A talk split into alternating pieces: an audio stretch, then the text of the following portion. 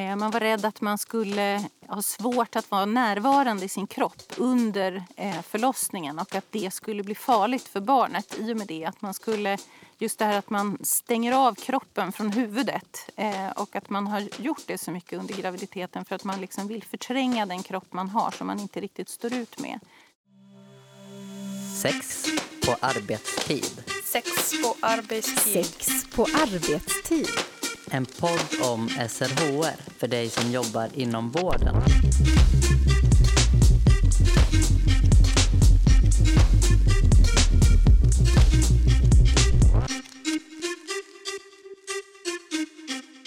Kvinnosjukvård, mödravård, moder, den gravida kvinnan. Idag har vi en gravid och förlossningsvård som är omgärdad av normer kring kön. Men vad händer då när det kommer en gravid som varken är kvinna eller vill identifiera sig som moder? I dagens avsnitt pratar vi med Felicitas Falk. Felicitas är läkare och forskar om transmän och icke-binäras erfarenheter av graviditet och förlossning. Senare i programmet gästas vi också av Therese Sandin som är barnmorska och som arbetar med föräldrastöd till regnbågsfamiljer. Vi som gör det här programmet är jag, Elin Klingvall, och min kollega Anna Skoglund. Välkommen hit, Felicitas. Tack. Du har ju intervjuat män med transerfarenhet och icke-binära som varit gravida. Vilka erfarenheter har de? Man kan väl säga att erfarenheterna varierar väldigt mycket eh, bland de informanter som jag har intervjuat. Eh, både vad gäller att, hur, de, hur de har upplevt det att vara gravida i relation till sin kropp och könsidentitet men också erfarenheterna av vården. Och det finns både positiva erfarenheter och också oroväckande exempel. Vad som har varit gemensamt för de här personerna är att de har velat bli föräldrar eh, allihop. För vissa har det känts helt naturligt att vara gravid. Man har till och med varit nyfiken på hur det skulle vara att bära barn även om man definierar sig som man eller icke-binär. För andra så har det känts som ett nödvändigt ont, alltså en tid att uthärda för att få det där efterlängtade barnet och kunna bli förälder. Många har planerat sin graviditet men en del har också blivit ofrivilligt gravida. Och det är en sån här sak som jag tänker att man också bör komma ihåg förstås när man jobbar med de här personerna. Precis som med alla gravida. De flesta har tyckt att kroppsliga förändringar som har kommit under graviditeten har varit eh, ganska jobbiga. Framförallt mot slutet av graviditeten. Och här är det framförallt brösttillväxt som har varit tungt. Eh, och det är ju för att bröst är så tydligt förknippat med kvinnlighet. Och för många har det varit så att könsdysforin, alltså illabefinnandet i kroppen, att kroppen inte matchar ens egen könsidentitet, även tidigare har varit mycket fokuserat kring brösten. Och när då bröst har vuxit till så har det varit extra jobbigt. Och en del har då också överraskats över att brösten har vuxit till även om de har genomgått eh, maskuliniserande bröstkirurgi, alltså kirurgi där man tar bort en hel del av bröstvävnaden för att skapa en manlig bröstkorg. Är det så att de inte har fått information om eller att det här skulle kunna hända? Mm, ja, så kan man säga. En del har, eh, eller många har egentligen inte vetat om det. De har inte varit förberedda på att det eh, skulle hända. Eh, och och eh, vårdpersonalen har ibland också varit riktigt förvånade när det har hänt. Eh, och de som har varit förberedda på det de har sagt att just det här att vara förberedd har underlättat. Men den informationen har man ofta fått av andra transpersoner som man har eh, vänt sig till för att just informationen från vården har brustit. Och det är via dem, genom att spegla sig i andra transpersoner som man har fått en bild av hur det är att vara gravid och också då kunna föreställa sig själv som gravid och som blivande förälder. Så det har varit väldigt, väldigt viktigt för de här personerna. Jag ska kanske säga något också om hur mötet med vården har varit. Och även här skulle jag säga att det har varierat väldigt mycket. Ehm, Eh, en informant berättade till exempel om en fantastisk barnmorska som hade erkänt för sig själv att hon eh, kunde inte så mycket om det här med transgraviditeter. Så hon kontaktade RFSL för att lära sig mer. Och sen gick hon vidare och utbildade all förlossningspersonal. Och den här barnmorskan hon satt ju då på mödravården. Eh, och det som var så fantastiskt med henne det var ju då att hon dels tog ett eget ansvar för sin egen kunskapsutveckling. Att det var inte patienten som fick utbilda henne. Men att hon också utbildade andra så att hon gjorde den här övergången från mödravård till förlossningen mycket lättare för den här patienten som ju var rädd för eh, förlossningen och funderade över om han skulle genomgå ett kejsarsnitt istället. Eh, men blev trygg när all då förlossningspersonal blev utbildad. Och hon var ju då också lyhörd för sin patient. Och det tänker jag är ett gott exempel på vad man kan göra som vårdpersonal för att eh, underlätta. Och sen å andra sidan så finns det de som inte har känt sig lyssnade på eller respekterade. De har mött personal som har varit okunniga eh, eller som har varit eh, i den här okunnigheten väldigt nyfikna och ställt kanske irrelevanta frågor som har gjort att man har känt sig obekväm. Någon berättade till och med att Eh, han, hade, eh, han hade en rädsla för att vårdpersonalen skulle fokusera så mycket på att han var transperson så att de inte skulle göra sitt jobb ordentligt, alltså inte eh, fokusera på hälsan hos barnet. Och, eh, eh någon person har också sagt att han har medvetet valt att inte byta sitt personnummer för att han ska kunna spela kvinna i mötet med vården för att göra det lättare eh, för vården att ge honom en korrekt eh, vård. Eh, vilket ju är ganska så beklämmande, tänker jag. Alltså att man hade som en strategi då att inte liksom, byta ja. Eh, personnummer? Ja, det var i alla fall en, en del i beslutet. Vad var det mer för erfarenheter som kom fram i dina intervjuer kring mötet med alltså gravid och förlossningsvården?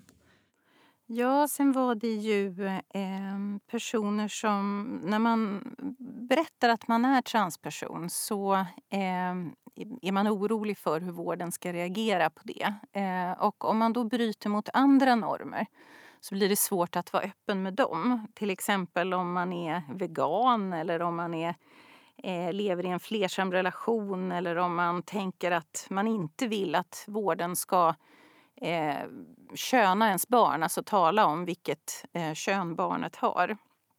Och såna här saker är viktiga för vården att, att känna till men man vågar inte berätta för vården. Och sen fanns det också de som eh, kände ett behov av att just utbilda vårdpersonalen själva för att säkerställa att de fick en god vård. De tog väldigt mycket ansvar för eh, att deras vård skulle bli bra. Och någon funderade ju också på att föda barn eh, hemma. Ehm, just för att då fick man möjlighet att träffa barnmorskan i förväg eh, och kunde utbilda. Eh, men när man kommer till en stökig förlossningsavdelning så har man ju inte den möjligheten och då har man inte tillit till personalen. Var det så, eller fanns det tillfällen när dina informanter ändå hade kunnat dryfta sina rädslor eh, inför graviditet eller inför förlossning och kunnat få hjälp och stöd inom vården för att, för att de skulle kunna minska och inte besannas, så att säga? Mm, det fanns det. Eh, det fanns eh, någon som hade eh, gått på såna här Aurora-samtal och var väldigt nöjd med det och hade fått eh, gott stöd i att eh, bearbeta då sin förlossningsrädsla. Där också den barnmorskan hade följt med till förlossningen och, och liksom fungerat som en bro kan man väl säga, eh, in till förlossningsavdelningen. Eh, å andra sidan fanns det många som var väldigt rädda för att inte bli tagna på allvar när de uttryckte att de var rädda för en vaginal förlossning och eh, ville föda med kejsarsnitt. Som ju handlade om deras könsdysfori, alltså om, om eh, eh, deras eh, illabefinnande i kroppen då, då eh, och lidande av kroppen. Hur kan man som vårdpersonal göra för att minska eh, den upplevelsen av könsdysfori? Jag tänker i mötet, i undersökningar och så vidare. Finns det någonting där som, som vårdpersonal kan behöva tänka extra mycket på? Jag tänker att man ska fråga sin patient. Eh, vad är viktigt för just dig? Eh, dels ska man ju förstås respektera, respektera pronomen och namn och jag tänker att man ska tänka på det här att eh, det finns många andra könade ord som man inte eh, ska använda. Eh, till exempel mor eller om man pratar om föräldrarna eh, till sin patient att man inte kallar dem för morföräldrar eller förstföderska eller den typen av ord. Eh, men också att man pratar med patienten. Eh, vad, vad tycker du är svårt? Ehm, när man ska göra en kroppslig undersökning att man är medveten om att en eh, vaginal undersökning till exempel kan vara svårt och att man då berättar varför den behöver göras, inte bara att den behöver göras och att man avstår från det som inte är nödvändigt, att man inte gör saker bara av rutin. Eh, tänker jag är viktigt. Du pratar ju om könan, men jag tänker liksom hela gravidvården är ju på något sätt omgärdad av mycket normer kring kön. Alltså det heter ju till exempel mödrahälsovård och kvinnosjukvård och så vidare. Hur har det påverkat dem du intervjuat? Ja, man känner sig exkluderad från vården. Det förstärker den här upplevelsen av att vara annorlunda. Eh, och man har en rädsla att bli behandlad som en antingen en exotisk fågel som är väldigt udda eller att man ska bli eh, behandlad precis som alla andra som går där, det vill säga som en kvinna. Det sticker ju ut. Eh, jag tänker att i det material man har fått, till exempel informationsmaterial, så finns det inte transpersoner med. Eh, och om man får något anpassat material då är det bara man själv som får det och ingen annan. Så att man upprätthåller ju normen på så sätt att det bara är kvinnor. Eh, men med transpersoner är det ju också så att när man tilltalar någon med fel kön eh, så förstärker ju det individens könsdysfori. Alltså eh, kallar man någon för mamma eh, så mår den personen dåligt av det många gånger. Eh, för att man inte blir validerad i den könsidentitet man har. Eh, och då gör man ju faktiskt patienten illa, tänker jag.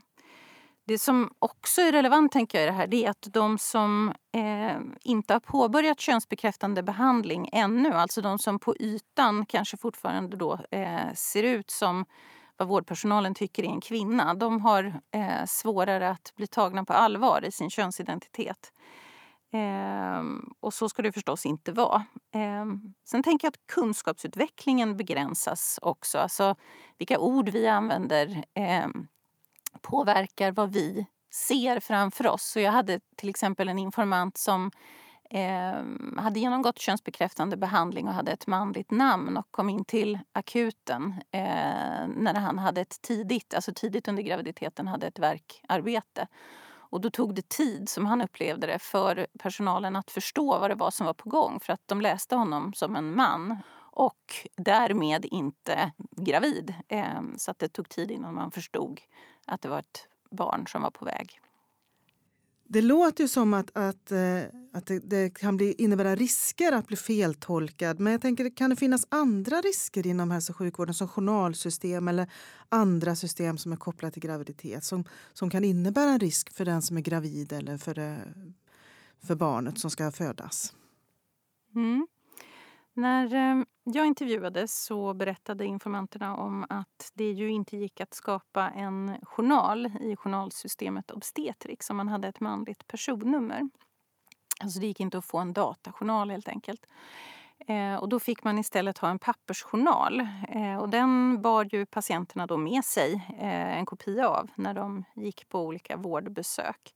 Och där fanns det en oro för att tänk om, om det skulle vara så att det händer någonting. Tänk om att det blir en akut olycka eller liknande och jag kommer in till akuten och har inte med mig min pappersjournal eller för den delen är medvetslös och kan liksom inte visa upp min pappersjournal. Då kommer de inte veta att jag är gravid.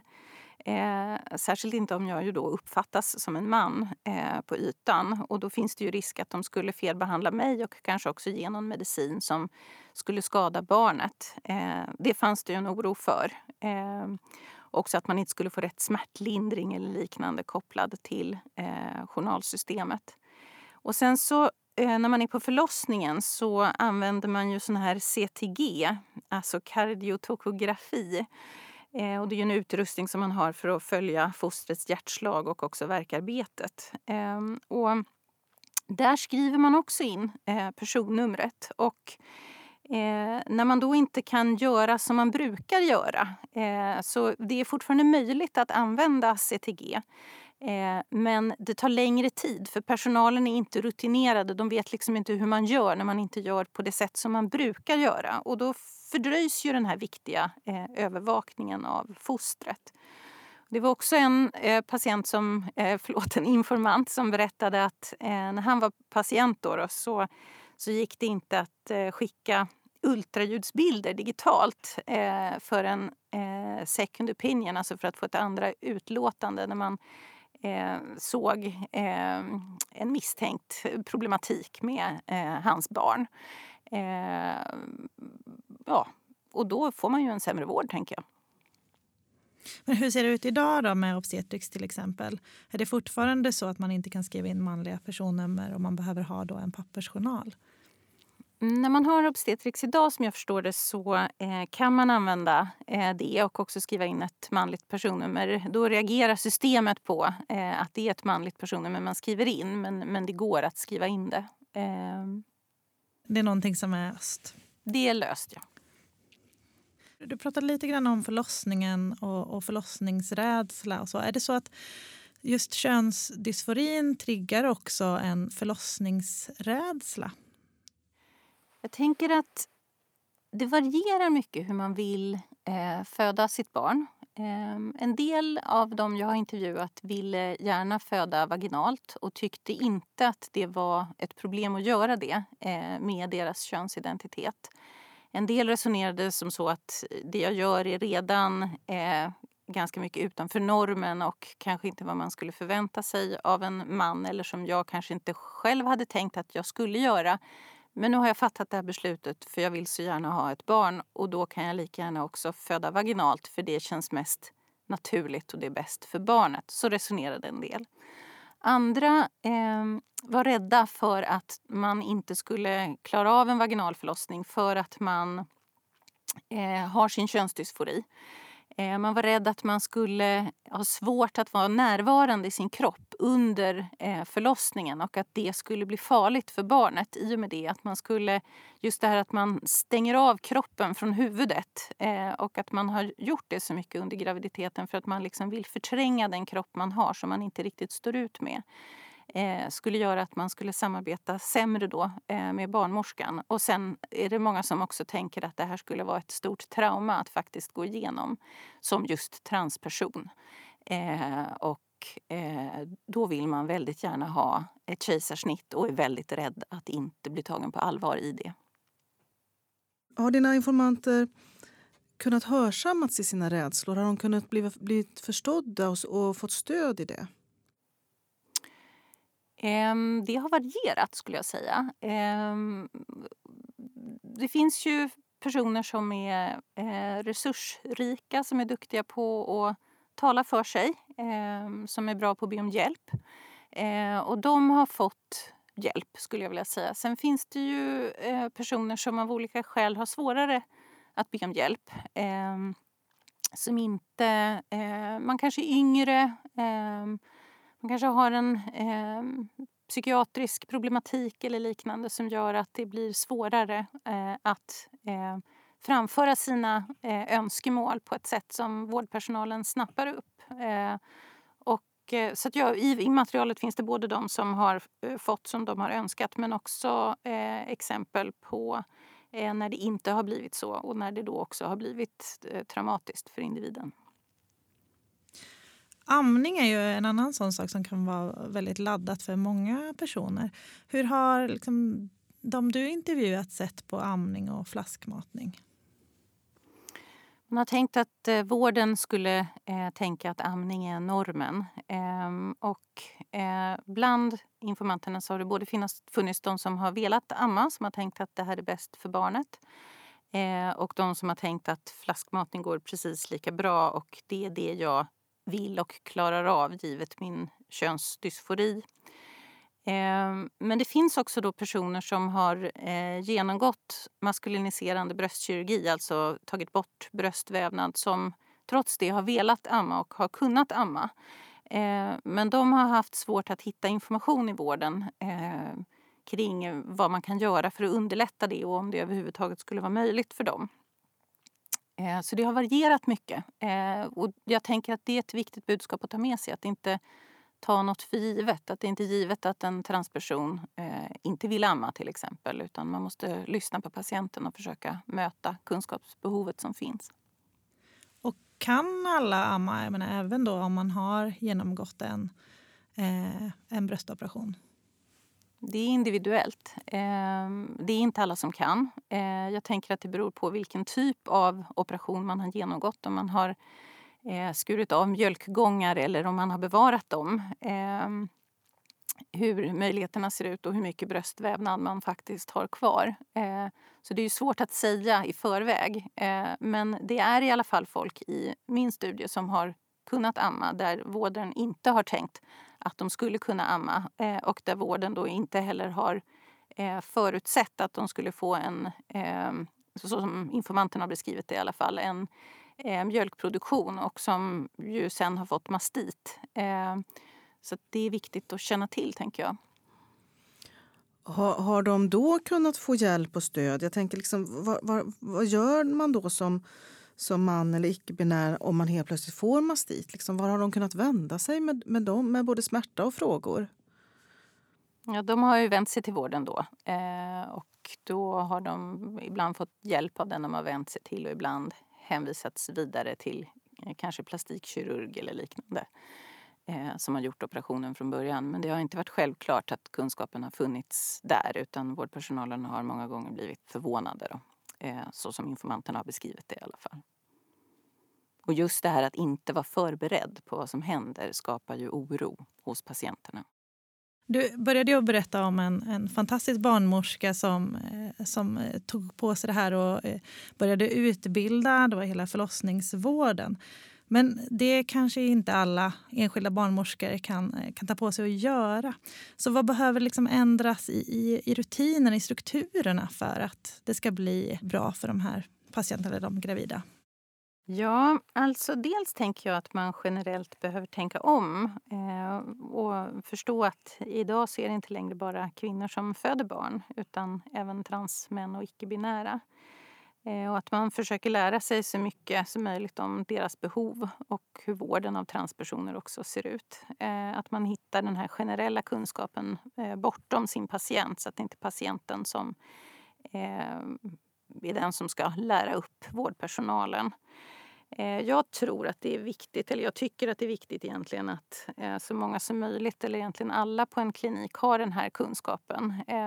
Om man tänker en förlossningsavdelning så kan man ju kanske inte välja vem det är som kommer förlösa den här personen. Och man behöver känna sig trygg med liksom, oavsett vilken vårdpersonal man möter så att det inte är individbundet. Och om inte det är möjligt så tänker jag att man kanske ska tänka i termer av att eh, nischa vissa eh, kliniker mot det här. Eh, och det kan både handla om mödravård eller eh, förlossningsvård och till exempel att specialistmödravården möjligen skulle ha något sånt eh, särskilt uppdrag. Eh, sen tänker jag att det alla ju kan göra utan jättemycket kunskap egentligen det är att fråga sin patient vad, eh, vilka behov har du? Eh, och Eh, vad kan jag göra för att underlätta för dig vad gäller språk eller vad gäller undersökningar? Och, eh, vad har du för önskemål vad gäller förlossningen eller vad har du för tankar om amning eller ersättning?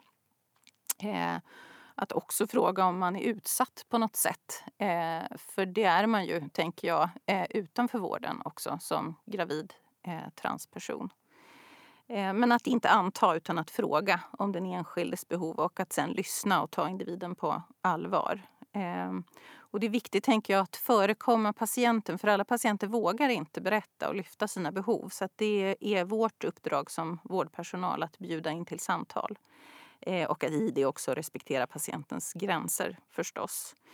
Man skulle önska att det fanns en bättre kontinuitet tänker jag, eh, mellan mödravård och eh, förlossning och BVC. Eller att det i alla fall var så att man tydligt lämnade över patienten och patientens eh, behov. Och när man har samlat på sig kunskap att man just ger den här kunskapen vidare till patienten så att det inte är så att man som patient har internet eller eh, grupper för transpersoner då som sin primära informationskälla om amning eller om hormonbehandling eller eh, alltså medicinska saker utan att det faktiskt är vården man kan eh, vända sig till. Eh, tänker jag skulle vara önskvärt. Det är så fantastiskt viktig forskning som du har bedrivit och så fint med dina informanter som har delat med sig av sina erfarenheter. Det här kan man ju önska ska ligga till grund för just de här förändringarna som behöver göras. Det har varit jättespännande att göra kan jag säga. Eh, något som har varit positivt också eh, i detta det är ju att flera av dem jag har intervjuat de har valt faktiskt att få mer än ett barn. Så de har fött barn eh, flera gånger. Och de har tyckt att det har blivit lättare andra eller kanske tredje gången som han har varit gravid just för att man har kunnat då veta vad man skulle förvänta sig. Eh, så att just det här att beskriva noggrant vad kan man förvänta sig eh, är jätteviktigt för de här personerna, tänker jag. Och många av dem jag har intervjuat har ju också eh, sett det som sin uppgift att, att sprida den här kunskapen vidare till andra transpersoner. Att man vill dela med sig, eh, att man vill hjälpa andra på det sätt som man själv har blivit hjälpt. Eh, och det tänker jag också är eh, ett medskick egentligen till vården. Att om man har möjlighet att man har kontakt med kanske någon, om det finns någon lokal RFSL-förening eller, eller liknande där det finns eh, transpersoner som har genomgått graviditet och förlossning som kanske kan komma och berätta eh, om man har eh, en transperson som ska få barn eller en grupp till och med. så att man känner igen sig. Det är viktigt. Innan vi avslutar Felicitas, har du något tips sådär, som du vill dela med dig till annan vårdpersonal? Det är så många tips man har, men eh, ska jag bara nämna ett så skulle jag säga att det är att lyssna eh, på din patient och ta patienten på allvar. Tusen tack Felicitas Falk för att du ville vara med oss i Sex på arbetstid. Stort tack. Och lycka till med din fortsatta forskning.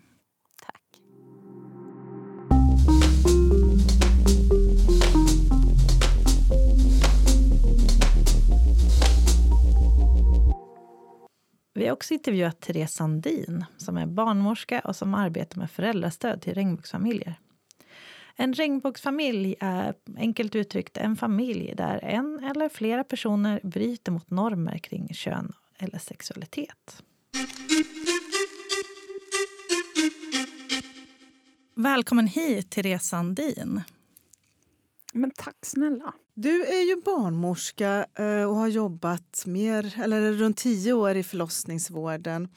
Och nu arbetar ju du med ett projekt som heter Regnbågsfamiljer i väntan. Vad handlar det projektet om? Projektet handlar om... Det, det är ett familjestödjande, föräldrastödjande projekt kan man säga. Eh, med, med syfte då att eh, regnbågsfamiljer ska få känna lite trygghet inför en förlossning och under en graviditet. Eh, och det kan man göra på många olika sätt. Men vi gör det med föräldragrupper som vi håller över Zoom. Och vi gör det genom att försöka få till lite påverkansarbete också på sjukvården och så. Hur kommer det sig att det här projektet startades? Man har ju sett i forskning att personer som är hbtqi eh, har en väldigt ansträngd relation till sjukvården kan man säga. Eh, man, man går in i ett möte med en vårdpersonal och förväntar sig nästan att bli på något sätt, eh, inte kränkt kanske, men, men att, man, att det kommer att bli ett möte som inte är optimalt. Och går man in hela tiden med den otryggheten så vet vi ju också att trygghet är ju någonting som är en väldigt viktig sak i samband med förlossning. Men vad tror du är som gör då att hbtqi-personer eh, har en förväntan på hälso och sjukvården att man ska då bli dåligt bemött? Vad beror den, liksom, det låga förtroendet på? Alltså jag skulle säga att det handlar både om egna erfarenheter och sen så är det ju väldigt mycket minoritetsstress. Ett begrepp som vi använder väldigt mycket men som är ett väldigt bra och beskrivande begrepp för att förstå eh, vad det är som kan göra att ett möte blir mycket mer komplicerat och svårt. Kan du beskriva vad minoritetsstress är för någonting? Ja, alltså om man tänker då på minoriteter då kan det vara personer som blir utsatta för rasism eller personer som har olika funktionsvariationer eller då hbtqi-personer. Eh, alla de här människorna har gemensamt att de har en ökad risk för att bli utsatta för hat eller kränkningar eller så. Diskriminering. Och den, de, är man medveten om den risken så blir det också en stress som sätter sig i en där man också skapar då strategier för hur man ska försöka undvika att det ska bli dålig stämning eller att någon ska råka säga någonting homofobt. Att man kanske lite så skämtar bort det och ta ansvar för den goda stämningen som man ändå vill ha i ett möte med vården eller så. Så vad kan vårdpersonal göra för att, för att själva ta det ansvaret där det egentligen hör hemma? Hur gör man? Jag skulle säga att vårdpersonalen själva ska ta ansvar för att samla på sig kunskap. Hur kan olika familjekonstellationer se ut och hur kan man bemöta de här olika personer? Sen är det redan vid inskrivningen i graviditetsvården tänker jag att man ändå kanske ska ställa öppna frågor. Och ännu mer nu i covid-tider där partnern och alltså den andra blivande föräldern faktiskt inte ens får följa med på kontrollerna. Så att det går liksom inte att få någon egentlig personlig relation till den andra utan kanske bara genom en telefon eller så. Men att man ändå förvissar sig om att okej, okay, hur ser den blivande familjen ut? Och sen är det informationsöverföringen som är jätteviktig också. Hur menar du då, så. informationsöverföringen? Ja, men informationsgenomföring, alltså journalen man skriver eh, så att det framgår tydligt till då förlossningen eller till ultraljudsmottagning eller vad det nu kan vara. Att det är, eh, ja, om det är någonting som är speciellt med den här familjen. Man skriver i sammanfattningen i slutet av graviditeten då att det framgår tydligt att den här familjen ser ut så här och för dem är det viktigt att man också har koll på det och säger rätt och lite så.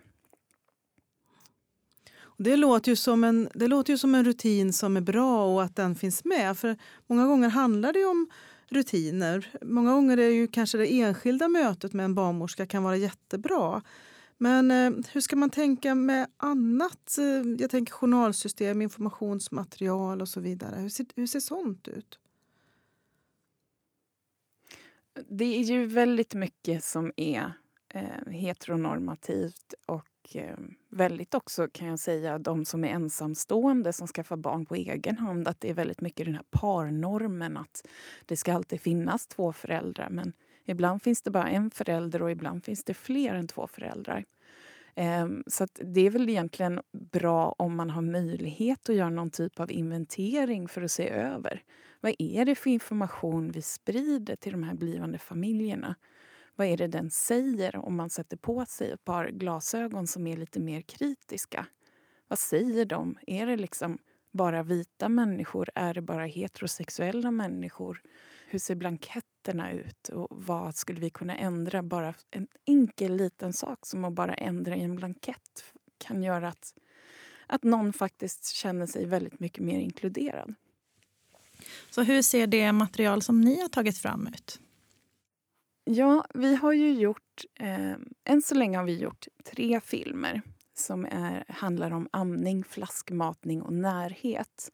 Och där har vi ju tänkt just att det här är ju filmer som ska rikta sig till alla. Och då har vi valt att använda ett, ett språk som inte är könande. Försöka att liksom hålla sig ifrån att då, då liksom, det ska vara en kvinna som ammar Även om majoriteten av de som ammar identifierar sig som kvinna så är det också ganska lätt att bara använda lite annat språk för att andra också ska känna sig inkluderade. Framförallt språket skulle jag säga är det som betyder någonting där. Eh, en väldigt intressant utmaning just att utmana sig själv till att tänka vilka ord är det vi använder när vi pratar om en förlossning som faktiskt är könande. Ehm, och har visat sig att det är ganska lätt att undvika att använda såna ord. Har du några exempel på bra ord att använda? Det, men alltså, det enklaste är ju bara istället säga istället för att säga kvinnan, säga den födande eller den gravida eller den ammande.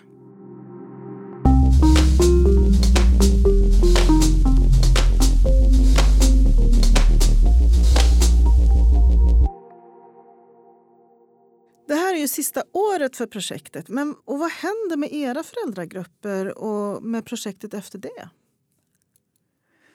Ja, alltså jag får nästan en liten klump i magen varje gång jag tänker på att det är sista året. Eh, eh, separationsångesten har liksom redan börjat kicka in. Det man, vi vill ju att vi lämnar det här projektet och lämnar över Eh, föräldragrupperna till eh, graviditetsvården. Att det finns andra som tar över. Och vi håller ju också på nu att utforma material utifrån illustrationer. Man kan diskutera med blivande familjer och lite så. Eh, och just kunna diskutera de sakerna som har varit specifikt i våra föräldragrupper som vi har pratat om.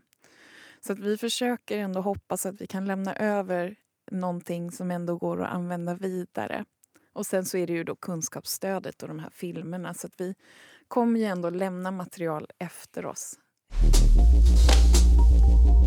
Therese, vad har du med dig för tre tips till andra vårdgivare? Jag skulle säga att tänk familjecentrerat. Vad är det för familj eller blivande familj jag har framför mig? Och individanpassa sjukvården, som, eller vården nu ger personen. Och respektera personens eh, önskemål och ställ öppna frågor. Och sen mitt tredje tips är väl någonstans att lägg aldrig ansvaret för någonting som du, som du är ansvarig för genom din utbildning. Lägg aldrig det på en patient. En patient ska inte behöva förklara. Tusen tack Therese för att du kunde vara med i Sex på arbetstid. Ja, tusen tack och lycka till med ert fortsatta arbete och implementeringen i sjukvården. Tack.